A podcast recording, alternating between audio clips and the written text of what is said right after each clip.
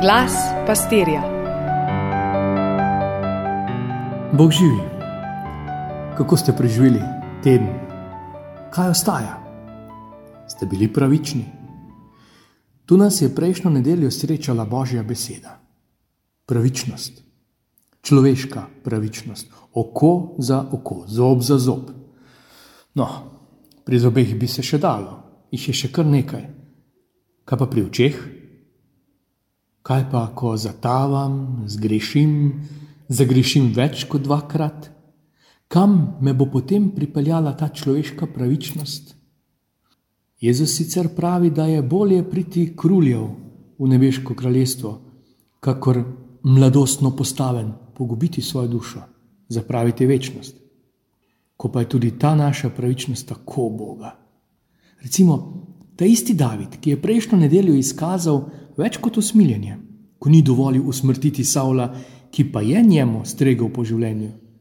Za kasneje, zaradi veliko bolj banalne skušnjave, prav naklepno usmrti svojega vojaka in za povrh še prešuštuje z njegovo ženo. Kam se je izgubila njegova načelnost, njegova velikodušnost, njegova pravičnost, ki je ni oblikoval po svojem počutju, ampak po božji milosrčnosti, ki presega človeški um.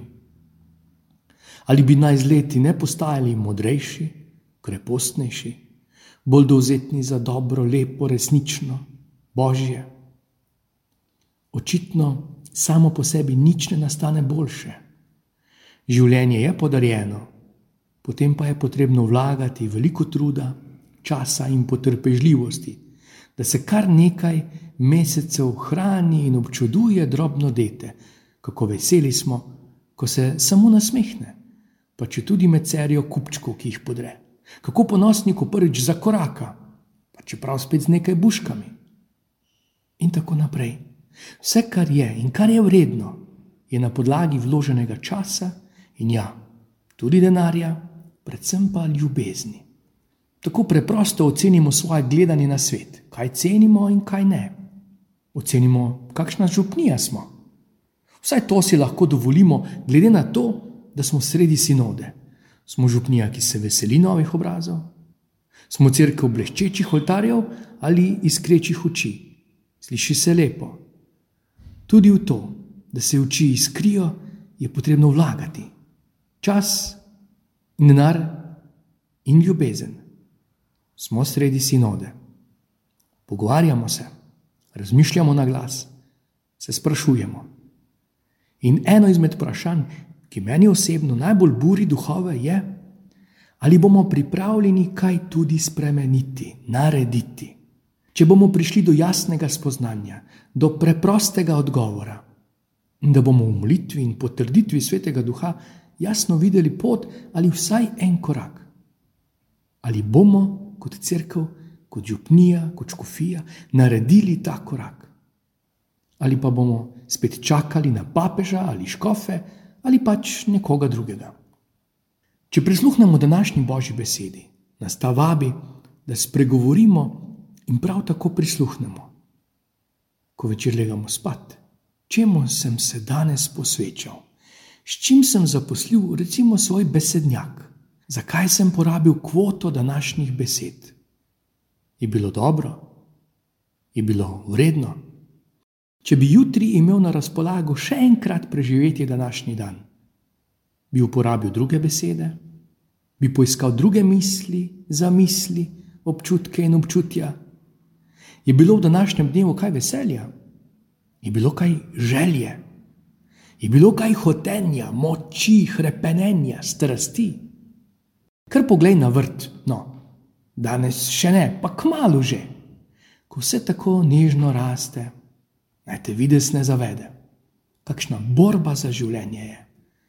Čez dan naletim na enega človeka, ki se mi zoprstavi, morda mimo idočega, ki mi odzame prednost. Ali pa je to moja soseda, ki prav dobro ve, kaj reči, da me spravi stira. In že je moj dan siv in turoben, in uboga moja žena in otroci, in zaradi nekaj žaljivih stavkov, nekaj skrbi. Pa si predstavljaj sedaj seme v zemlji kako noro temno je tam. Pa govori temu semenu o upanju in o prijetnem soncu in o toploti in čebelah in metuljih. Seme je v zemlji, za drobno seme globoko v črni zemlji. Tam kraljuje smrt, pika. To ve vsak. V zemljo damo mrtve, konec. Toda tu se logika, tako biologije kot teologije, zamajata in hkrati srečata. Smrt je ranjena, smrt umira, smrt je umrla, nevredno. Kaj uspeva našemu Bogu?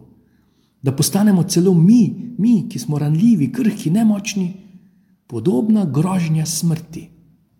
In se jim res požene, in se bori, in klije, in se pribije na plan odriva zemljo in kamne in vse prepreke, da končno vidimo nežno kal in kmalo že rastlinico in nevrjetno, že je na mizi sad in plot in obilje. Če bi paradižnik in paprika in vse ostalo to uh, brstje skrbelo samo za preživetje svojega rodu, bi bilo dovolj nekaj semen, tako pa sta polna bodočega življenja in mogočni hrast pač ne bi potreboval roditi želod vsako leto, zagotovo pa ne na stotine teh plodov. Kako nevrjetna je božja zamisel velikodušnosti, rodovitnosti in milosti. Ne sledimo samo svojim spoznanjem, se čutimo, kako močno nas nagovarja in vabi On. Če imam boljšo alternativo, se lahko hitro zgodi, da me bo vodil nekdo, ki je meni podoben, ki mu včasih zmanjka miru, potrpljenja, časa, živcev, razsodnosti in ljubezni. Skratka, nekdo, ki je zaslepljen in če me tako vodi, se mi lahko zgodi najmanj to, kar svari Jezus, oba padeva v jamo. Ne gre za spotik, gre za globoko jamo. Če pa je ta slepi, povrhu še voditelj, duhovni voditelj, guru, predsednik države, lahko nastane vojna, in žrtve. Nora vojna. Če bi o tem govoril pretekli teden, bi morda slišali, zdaj pa nam je vsem jasno, kako nevarno je slediti nekomu, ki je slep ali zaslepljen, pa naj bo to papež ali kralj. Pavel v drugem berilu zaključuje: Hvala torej Bogu, ki nam daje zmago po našem Gospodu Jezusu Kristusu. Zato, moji ljubi bratje, in sestre, bodite stanovitni, neomahljivi, na vse uspešni v gospodovem delu, saj veste, da vaš trud v gospodu ni prazen. Vas s tem zagotovilom vabim v velikodušni in zaresen post.